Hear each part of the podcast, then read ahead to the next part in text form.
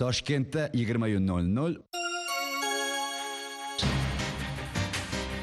dunyo xabarlari. Xalqaro jarayonlar. Markaziy osiyo hayoti. O'zbekistondagi bugungi vaziyat. Tahliliy suhbatlar. Siyosiy ijtimoiy mavzudagi qizg'in munozaralar. Sizni qiziqtirgan va aynan siz uchun tayyorlangan keng qamrovli dasturlar. Bularning hammasi amerika ovozi radiosida. Assalomu alaykum aziz tinglovchilar studiyada men javdar sayhon. Eshittirishimiz har bir sun'iy yo'ldosh orqali efirga uzatilyapti toshkent vaqti bilan yigirma ikkida takror tinglashingiz mumkin bishkekda kech soat o'n birda almos fm radiosida afg'onistonda esa o'n to'qqiz o'ttizda samangan shahrida shaharvand fm sakson yetti yuz sakkiz to'lqinda ham havo mavjlaridamiz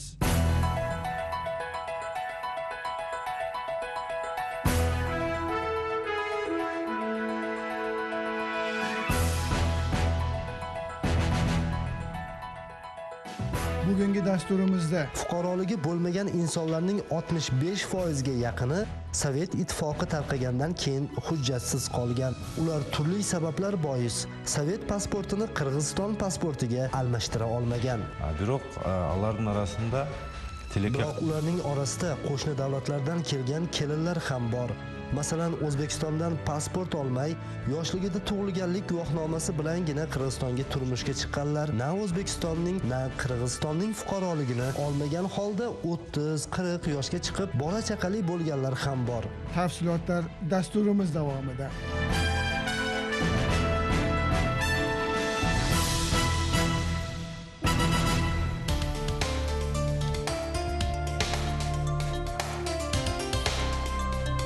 amerika ovozi televizorda radioda va internetda. Shuningdek uyali telefoningizda o'qing tinglang va tomosha qiling. So'nggi xabarlar. Tezkor xolis va ishonchli. Video foto va audio shaklida. Istasangiz siz ham amerika ovoziga material yuboring. Dunyo bilan bog'laning. Smartfon mac yoki android. Applikatsiyamizni ishlating. Amerika ovozi barmog'ingiz ostida.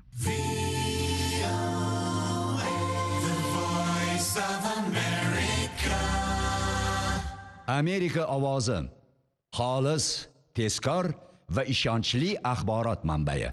Bmt bergan ma'lumotga ko'ra joriy yilning iyul oyida qirg'iziston fuqaroligi yo'q shaxslarning muammosini butunlay hal etgan dunyodagi birinchi mamlakat bo'lgan. Bu farg'ona vodiysi chegara bilmas yuristlari tashkiloti va tashkilot asoschilaridan biri azizbek ashurovning xizmatlari evaziga qo'lga kiritildi. Ushbu qilgan xizmatlari uchun azizbek ashurov qochqinlar masalalari bo'yicha bmt oliy komissarligining nan sen mukofotiga sazovor bo'ldi.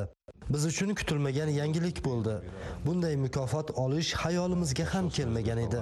Hech bo'lmaganda bir oilaning hayotiga yaxshi o'zgarish kirita olsak mana shuning o'zi katta mukofot biz uchun. U yerda mukofot topshirishayotganda ham ta'kidlab o'tganimdek bu mengagina emas birga ishlagan hamkasblarim bizni qo'llagan qirg'iziston hukumati uchun berilgan mukofot deb hisoblayman. Afsuski dunyoda yana 10 milliondan ortiq fuqaroligi yo'q odamlar yashab kelmoqda. Аябай булардын тагдыры мындайча айтканда трагедиялуу deydi yurist amerika ovoziga bergan suhbatida. Ashurov 13 mingga yaqin fuqaroligi yo'q odamlarga fuqaroligini tasdiqlovchi hujjat olishda ko'mak ko'rsatgan. Uning aytishicha fuqaroligi bo'lmagan insonlarning 65 foizga yaqini sovet ittifoqi tarqagandan keyin hujjatsiz qolgan. Ular turli sabablar bois sovet pasportini qirg'iziston pasportiga almashtira olmagan.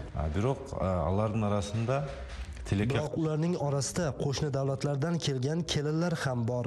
Masalan o'zbekistondan pasport olmay yoshligida tug'ilganlik guvohnomasi bilangina qirg'izistonga turmushga chiqqanlar. Na o'zbekistonning na qirg'izistonning fuqaroligini olmagan holda 30-40 yoshga chiqib bola chaqali bo'lganlar ham bor.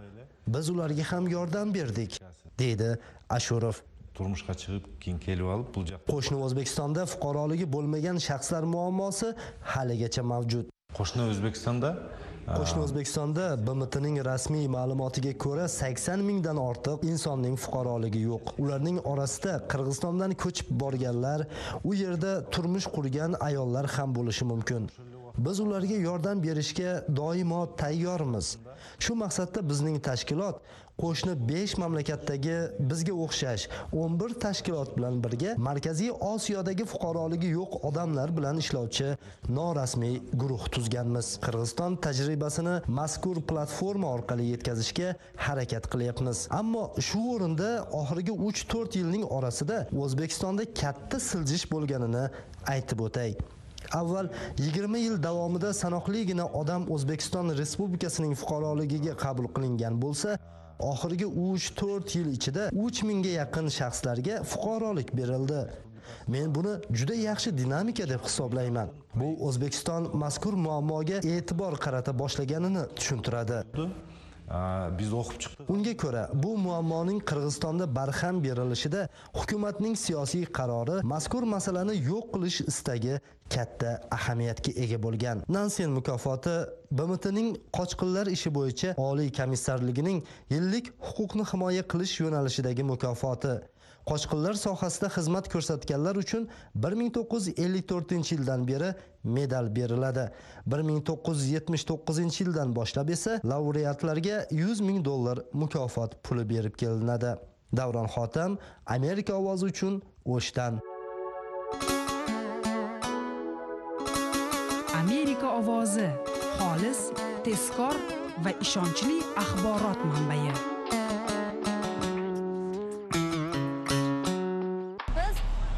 masalasini muhokama qilib olmoqchimiz. Suhbatdoshim umar qanot jahon uyg'urlari kongressi ijroiya qo'mitasining raisi.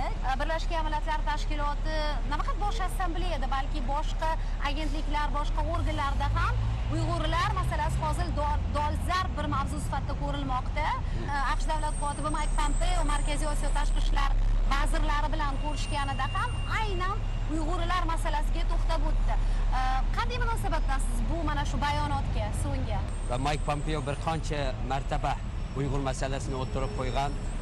Bu bu safar maxsus o'rta osiyo jumhuriyatlarining tashqi ishlar ministrlarini birlikda o'tkazgan yig'inida bu masalani o'tirib qo'ygan va nihoyat ochiq va samimiy bir shaklda o'rta osiyo davlatlaridan uyg'urlarni qaytirmasligi to'g'risida Э, iltimos qilgan va uyg'urlar qaytarilmasligi kerakligini bildirgan va bu masala bizning uchun ya'ni bu o'rta osiyo davlatlarining masalaning jiddiyatini e, e, anglab yetishi uchun nihoyatda muhim bir e, bir bir yig'in bo'ldi deb qaraymiz. Mana sizning tashkilotingiz ishonchli ma'lumot manbai sanaladi va e, uyg'urlar haqida ko'plar bilmaydigan deylik o'sha faktlarni yig'ib yurasiz. Da. markaziy osiyodan so'nggi yillarda deylik mana oxirgi ikki uch yilda qancha uyg'ur xitoyga topshirilgan masalan? Undan bizning uh, uh, burun topshirilgan edi bir qanchallagan uyg'urlar. Undan keyin qanday topshirildi uni bilmaymiz. Chunki nihoyatda maxfiy holda topshirilganda bo'lishi mumkin. Ochiq holda topshirilgan nimani biz hozir bir paketimiz yo'q qo'limizda lekin shunday ovozlar bor hamda Maxfiy xizmatlar birga bilamiz, xavfsizlik, ammo hamkorligi. bu yerda va albatta xitoy hukumatiningki ta'siri va u yerdagi e, nufuzi kundan kunga kuchlanayotidi uni bilyapmiz. O'rta osiyo davlatlariga har turli besim bo'layotidi E, uyg'urlarni e, harakatlariga hech qanday harakatlarga ruxsat qilmaslik. Hatto masalan qozoqlar borda bu e, ka- bugun jazo lagerlarida e, uch millionga qadar odam bor bunda uyg'urmi bor qozoqmi bor o'zbekmi bor Hat- hatto qozog'istondan e, nihoyatda ko'p e, qozoqlar ya bu jazo lagerlarida qozog'iston hukumatining va o'zbekiston hukumatining bu ishlarda qirg'iziston hukumatining bu ishlarda ochiq bir nimada ochiq bo'lmasada hatto yepiq shaklda bo'lsa xitoy hukumatiga bir norozilik bildirish kerak u yerdagi o'zining qarindoshlari o'zininki dindoshlariningki bundaq bir qirg'inchilikqa duch kelayotganligini tilga olish kerak xitoy hukumati bilan bu masalani deyish kerak bu yerda lekin hozir ular bizning bilganimiz qadar hozirga qadar hech qandaq bir nima inkas qaytirmadi buningga jiddiy bir inkas yo'q shuningga hamda amerika hukumatiningki bu mayk pompeoninki bu o'tkazgan yig'ini va o'rta osiyo davlatlariga uyg'urlarni qaytarmaslik to'g'risida o'tirib qo'ygan talabi albatta o'rta osiyo jumhuriyatlarini biroz jasoratlantirishi mumkin deb qaraymiz endi o'rta osiyo davlatlarining bir nima so'ylamasak bo'lmaydigan bo'lmaydi ekan degan bir yerga keldik deb o'ylayman lekin mana biz markaziy osiyo hukumatlarining vakillari bilan gaplashganimizda va aynan uyg'ur masalasi haqida so'raganimizda ular bu borada ochiq gapirishmaydi kamera oldida odatda. Lekin e, mikrofondan kameradan uzoqda gapirishganida biz e, uyg'urlar o'ylaganidek yoki amerika hukumati tasavvur qilganidek bir xitoylardan qo'rqib e, qaror qilayotganimiz yo'q.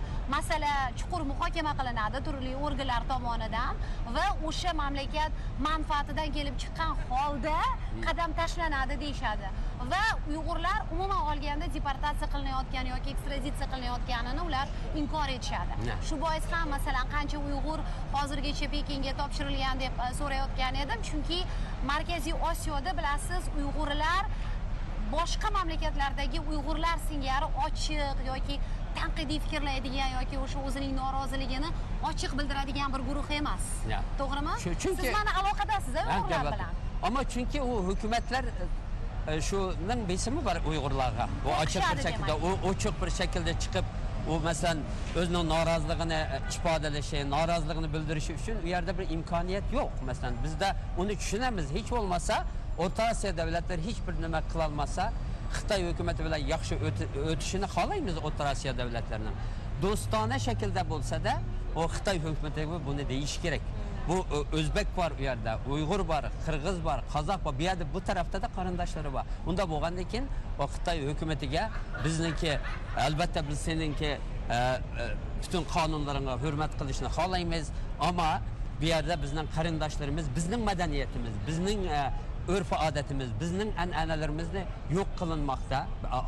Bütün butun nimalar ular siz siz hozirda biz e, e, shu cho'nqur tushunib yetishga tirishyapmiz deb. Qachon cho'nqur tushib yetishidi hamma nima o'rtada hozir. Butun dunyo biliglik buni. Hozir hech kim bu yerda bo'layotgan bu qirg'inchilikdan bu qatliyomdan bu genosayddan mening xabarim yo'q ha, deyolmaydi. Chunki hamma nima ochiq. Matbuotlar buni ikki yildan beri matbuotlar o'tirib qo'yyotidi tadqiqotchilar o'tirib qo'yyotidi hamma isbotlarni o'tirib qo'yib birlashgan davlatlar tashkiloti ham buni o'tirib qo'ydi. Bu holda o'rta osiyo davlatlarininki rahbarlari albatta biz ha- chunqur yetolmadik buning tagiga desa bu ishonchlik bo'lmaydi. Biz u hammasi qarindoshlarimiz hammasiniki vaziyatini biz to'g'ri tushunamiz.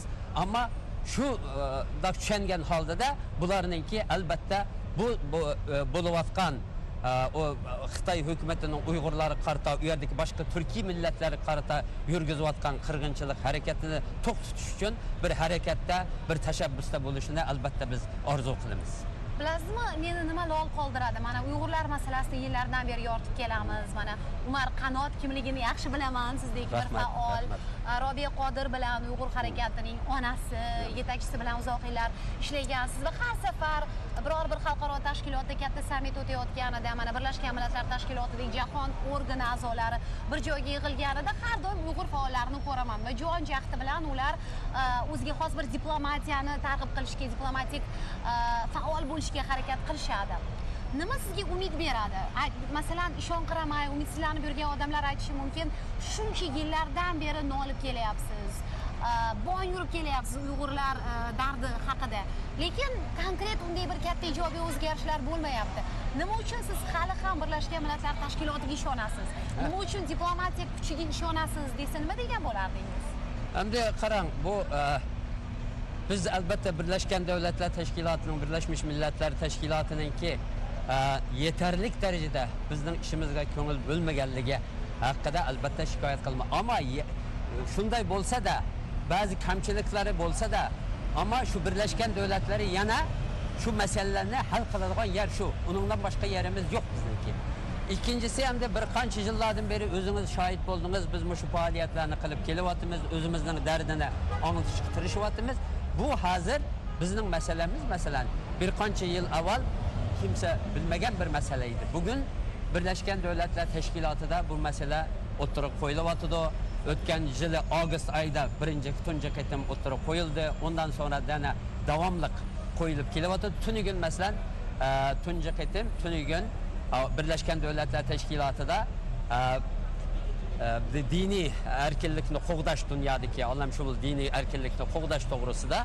bir yig'in ochildi bu yig'inga prezident tramp va muovin prezident pens va e, tashqi ishlar ministri pompeo va sam braunbak hammasi qatnashdi. Shu yig'inda bizni e, bizda shu yig'in qatnashdik bir alohida taklif bilan. Undan keyin bizningki bir e, qizimiz javhar ilhom ilhom to'xtining qizi prezident tramp bilan ayni stejda o'ltirib o'ltirdi va u e, bizning e, shu e, javhar ilhomga besh minutlik uyg'urlar masalasida so'z qilish. Prezident tramp o'tirgan bir nimada? O'xshash davrada bir bir stejda bir sahnada o'ltirish fursati bo'ldi. Va shu yerdagi yuzlarcha kelgan boshqa davlatlardan kelgan boshqa davlatlarniki vakillarimi hozir bo'lgan bir yig'inda masalamiz o'tirib qo'yildi. Mayk pens masalan dunyodagi o'sha diniy besim haqida so'zlagan chog'da uyg'urlarni tilga oldi. Masalan bir million uyg'ur hozir bir million uyg'ur e, xitoyda o'sha concentration camp yig'ilish lagerlarida e, tutib turilyapti deb buni o'tirib qo'ydi. Bu masala undan keyin u yerda ham e, birlashgan davlatlar tashkilotining bosh kotibi guterres ham bor edi. Ha, mushundoq bir sahnada o'tirib qo'yilyapti. Bu demak umid beradi bu bizga albatta. Chunki masalamiz borgan sari jiddiylashib va xalqaro jamiyatninki qo'llashiga erishyotidi shu erishganligining bir natijasi amerikaning tashqi ishlar ministri bugun javhar ilhomni shu sahnada tanishtirdi. Bu bu cho'ng bir undan keyin amerika tashqi ishlar ministri hatto boshqa davlatlarida bu uyg'urlarning masalasiga sohib chiqish uchun bir muncha tashabbusda bulindi va o'rta osiyo davlatlarininki tashqi ishlar ministri bilan ko'rishishniki sababi mushu edi ya'ni tashqi amerika tashqi ishlar ministri o'rta osiyo davlatlarining tashqi ishlar ministrini bir yerga akilib uyg'urlarga ega chiqinglar degan bir signal u bu albatta bizning uchun diplomatik jihatda e, garchi yetarli bo'lmasimi cho'ng g'alaba deb qaraymiz eslatib turibsiz bugun yana bu bu yerda yana bir yig'in ochilmoqchi. Amerika tashqi ishlar ministrligi tarafidan xos uyg'urlar haqida bir yig'in Aynan. Uyg'urlar haqida tadbirlar. uyg'urlar haqida mana tadbirlar shu bosh assambleya e, sammiti doirasida. Doirasi bu shuningki parallel shunga parallel bir yig'in ochilyotidi bugun bu yig'inni amerika tashqi ishlar e, birinchi yordamchi ministri jon sullivan e, so'zi bilan ochmoqchi va to'rt davlatniki boshqa amerikadan boshqa yana to'rt davlatniki sponsorligida bu yig'in ochilyotidi E, kanada germaniya e, angliya va gollandiyaniki e, tashabbusi bilan besh davlatniki demak besh g'arb davlati G'arb yevropa va davlatlari. qo'shma shtatlar. Qo'shma shtatlar davlatlari rahmat sizga. Katta rahmat suhbat uchun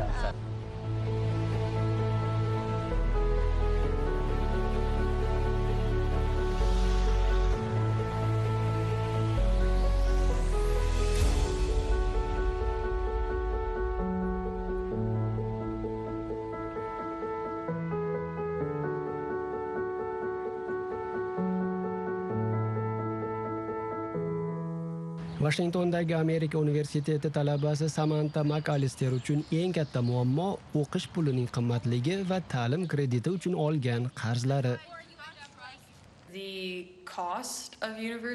Universitet xarajatlari juda qimmatlashib ketdi. Hatto o'rta maxsus va shtat darajasidagi kollejlarda ham. Men o'qiyotgan xususiy universitetlarda esa haddan tashqari baland. Bizniki eng qimmat universitetlardan ham emas aslida. Yosh yengilmaslar guruhi faoli Sonsiya Coleman ham shu fikrda. Uh. Oliy ta'lim va talabalar qarzi katta masala. Bu yoshlarning o'qish, uy sotib olish, farzand ko'rish kabi qarorlar qabul qilishiga ta'sir ko'rsatadi.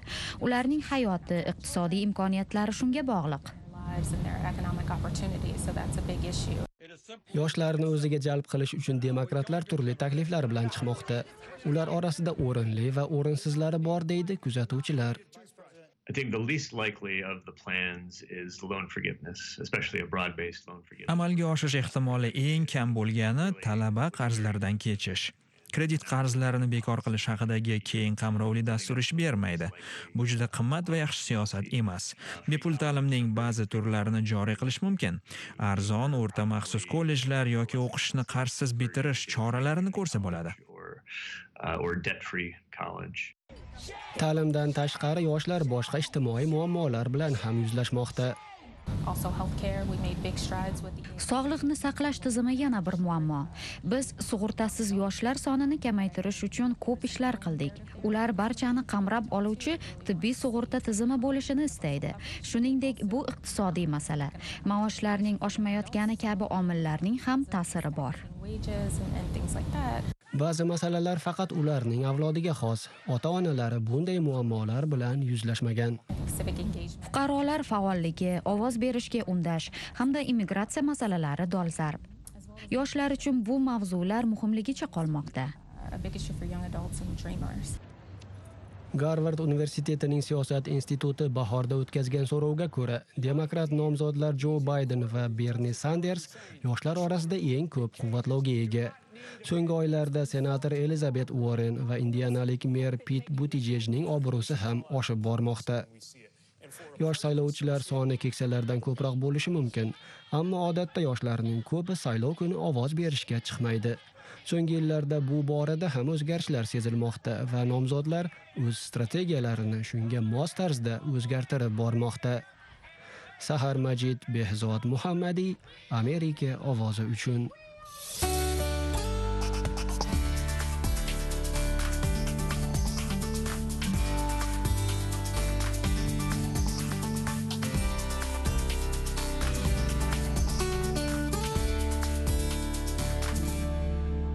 meksikodan montana shtatigacha cho'zilgan rokki tog' yonbag'irlarida 350 ming kishi xazina izlamoqda.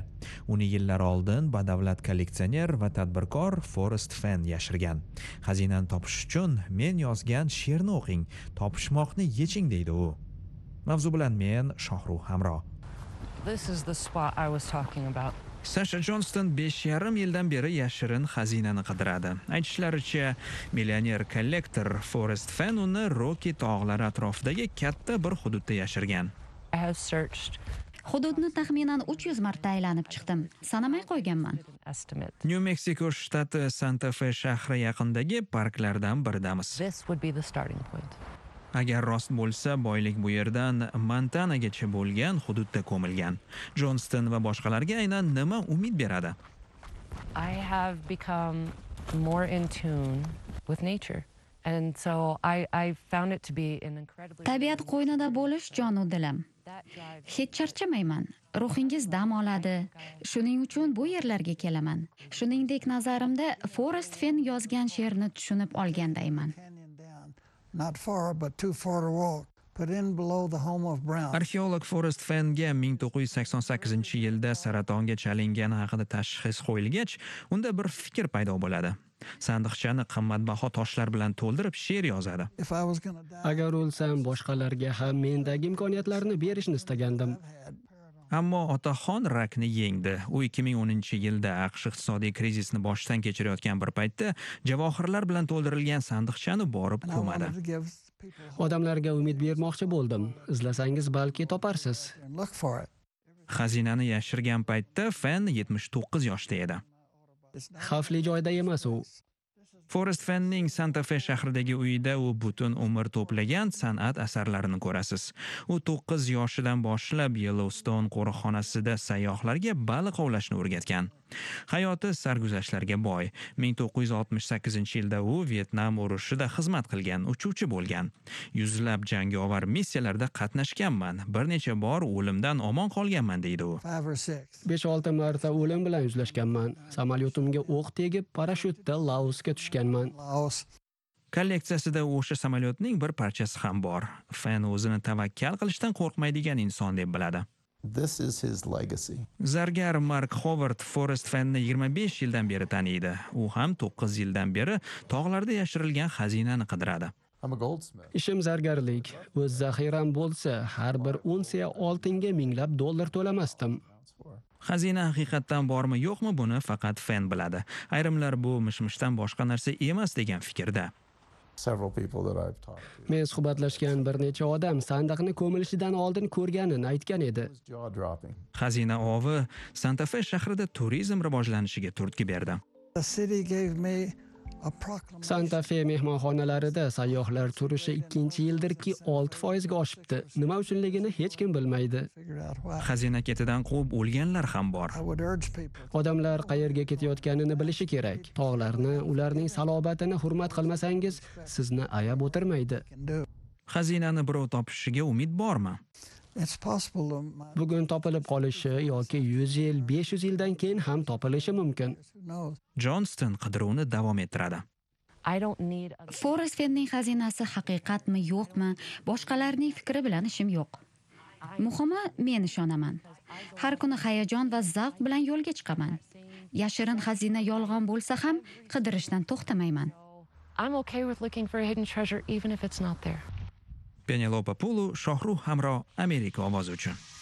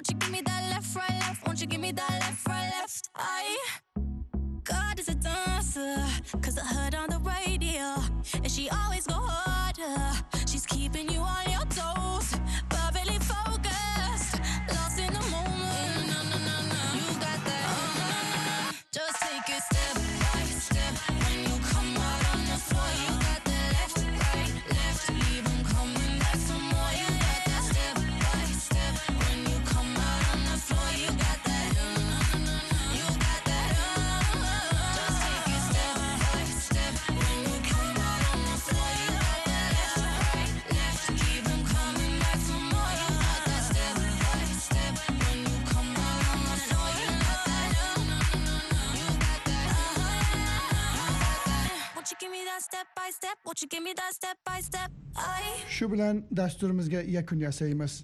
Aziz radio tinglovchilar xabar lavhalarimizni internetda amerika ovozi com sayfasi orqali ham kuzatib borishingiz mumkin. Ertaga bizni shu to'lqinda toshkent vaqti bilan kech soat sakkizda tinglashni unutmang. Amerika ovozi radiosining washingtondagi studiyasida men javdar sayhon. Xayr salomat bo'ling.